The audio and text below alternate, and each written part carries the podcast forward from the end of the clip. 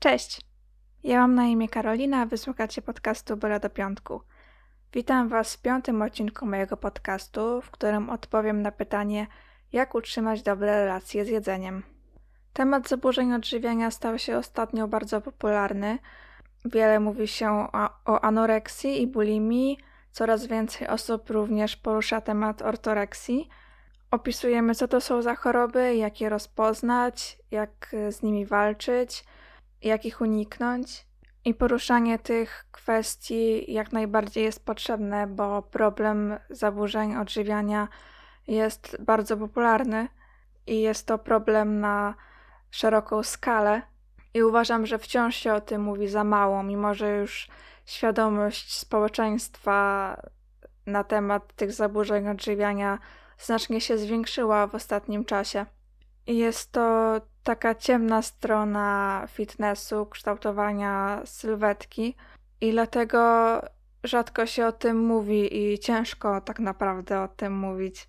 Bo jak wejdziemy na media społecznościowe, to widzimy masę pięknych zdjęć, pięknych sylwetek, a mało kto porusza kwestie psychiki podczas kształtowania tej sylwetki. A tak naprawdę skupiając się na kształtowaniu tej sylwetki, bardzo łatwo się w tym e, zatracić i zacząć postrzegać jedzenie w zły sposób. Przestajemy wtedy jeść nasze ulubione produkty i kategoryzujemy jedzenie na dobre i na złe.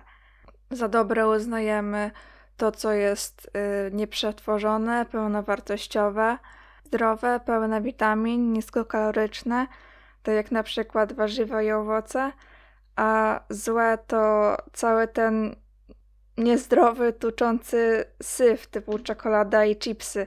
I jasne, że dietę powinniśmy bazować na nieprzetworzonych, pełnowartościowych produktach, ale na dłuższą metę takie kategoryzowanie jedzenia na dobre i złe odbije się negatywnie na naszym zdrowiu psychicznym to jest prosta droga do zaburzeń odżywiania, do rzucania się na to jedzenie, kiedy już wytrzymamy jakiś okres czasu, a po tym rzuceniu się na jedzenie następują wyrzuty sumienia i postanawiamy, że kolejnym razem nie ulegniemy temu jedzeniu i że będziemy je ograniczać nadal i że kolejnego dnia obetniemy kalorie, będziemy robić dwie godziny cardio, bo ulegliśmy temu jedzeniu i należy nam się głodówka i zajeżdżanie się na treningach.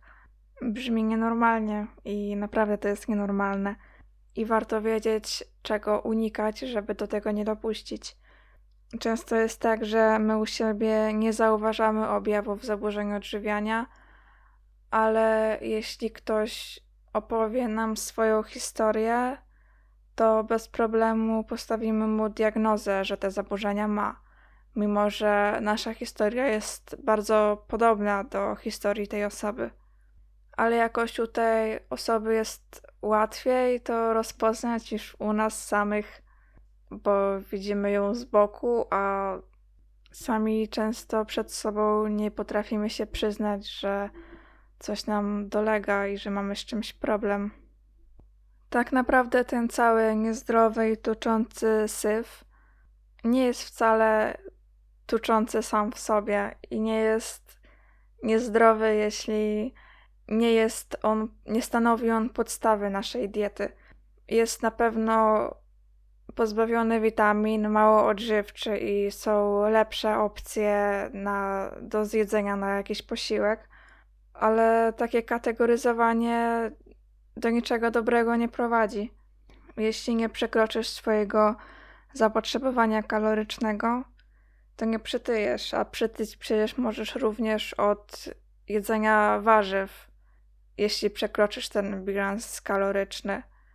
Oczywiście łatwiej te kalorie przekroczyć z przetworzonych produktów, dlatego to raczej czekolada uznawana jest za wroga naszej diety, a nie na przykład brokuł. Jeśli zadbasz o podstawy w postaci bazowania swojej diety na pełnowartościowych produktach i będziesz komponować sycące posiłki, żeby uniknąć podjadania w ciągu dnia na przykład, to zjedzenie kawałka czekolady kilka razy w tygodniu nawet nie wpłynie na to, że twoja dieta przestanie być zdrowa. A wliczenie w bilans kalorii tej czekolady nie spowoduje, że przytyjesz. A nawet na redukcji tak naprawdę możesz jeść czekoladę, jeżeli właśnie będzie ona wliczona w bilans. Czekolada może być takim sposobem na wytrwanie w tej diecie, bo może być takim pokarmem dla naszej psychiki, dla jakby zachowania jej zdrowia, dlatego nie powiedziałabym, że to jest niezdrowy produkt, bo owszem, nie dostarcza nam żadnych witamin, ale daje nam takie chwilowe szczęście, co też jest bardzo potrzebne. I również ze względu na kategoryzowanie produktów odradzam wszystkie restrykcyjne diety, głodówkowe, eliminacyjne, bo często nie tylko eliminuje się w nich te przetworzone produkty, ale również jakiś gluten albo nawet owoce, co jak wiemy, to powinno stanowić podstawę naszej diety. Jeśli produkt ci nie szkodzi, to nie ma podstaw, żeby go wykluczyć z tej diety. Unikanie wielu produktów sprawia, że dieta jest jałowa, niedoborowa i jemy właściwie cały czas te same produkty. I to też jest nudne i też ciężko jest na takiej diecie wytrwać, bo dieta powinna być różnorodna i powinniśmy eksperymentować z tymi przepisami, żeby, żeby dostarczać te wszystkie witaminy, być w, ujem, w ujemnym bilansie kalorycznym, ale też żeby się nie zniechęcać, bo jeżeli dieta będzie jałowa, to będziemy czuli potrzebę sięgnięcia po tę czekoladę i prędzej czy później ulegniemy tej pokusie. I zjemy wtedy naprawdę dużo tej czekolady, więc lepiej codziennie na przykład zjeść kostkę czekolady albo kilka razy w tygodniu zjeść pasek czekolady, zaspokoić tę ochotę na słodkie żeby uniknąć tego, że później się rzucamy na to jedzenie i przekraczamy znacznie wtedy nasz bilans kaloryczny. Więc dieta jałowa to, na, to tak naprawdę krótka droga do efektu jojo i do zaburzeń odżywiania. I lepiej wyliczyć sobie zapotrzebowanie kaloryczne, skupić się na podstawach, jeść pełnowartościowe produkty, a te przetworzone trochę ograniczyć – bo jeśli lubisz te przetworzone produkty, to nie musisz z nich rezygnować całkowicie, tylko po prostu je trochę ograniczyć, bo one mogą zaprzepaszczać Twoje efekty, bo łatwo z nich nabić kalorie. Jeśli na przykład nie masz pomysłu na jakieś dania z warzywami, bo nie lubisz warzyw, to możesz sprawdzić w internecie jakieś przepisy. Jest ich tam naprawdę sporo i myślę, że bez problemu znajdziesz jakiś przepis, dzięki któremu polubisz część z tych warzyw. Poza kategoryzowaniem produktów, to przy dbaniu o zdrową relację z jedzeniem, byłabym również ostrożna przy liczeniu kalorii, bo liczenie kalorii różnie może wpływać na ludzi i jest to świetny sposób na to, żeby zwiększyć swoją świadomość żywieniową i żeby nauczyć się odpowiednio komponować posiłki, tylko że bardzo łatwo wpaść w obsesję liczenia kalorii. I później wliczasz na przykład plaster pomidora albo listek sałaty, albo niektórzy nawet przyprawy wyliczają, co no nie brzmi dosyć normalnie. Więc warto po prostu dać na luz i po prostu takie małe ilości warzyw nie wliczać i nie wliczać tych przypraw, nie zastanawiać się nad tym, ile ta przyprawa ma kalorii.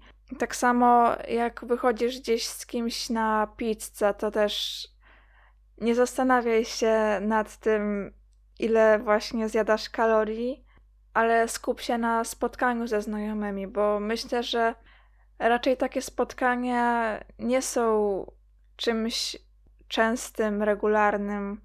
Raczej takie wyjścia zdarzają się raz na dwa tygodnie, na miesiąc nawet jak raz na tydzień z kimś wyjdziesz, to nic się nie dzieje, bo zawsze jak pilnujesz kalorii, to możesz trochę mniej zjeść poprzedniego dnia albo kolejnego, albo na tym wyjściu, jeżeli masz możliwość, to możesz zjeść więcej produktów białkowych, albo przed wyjściem możesz zjeść więcej produktów białkowych.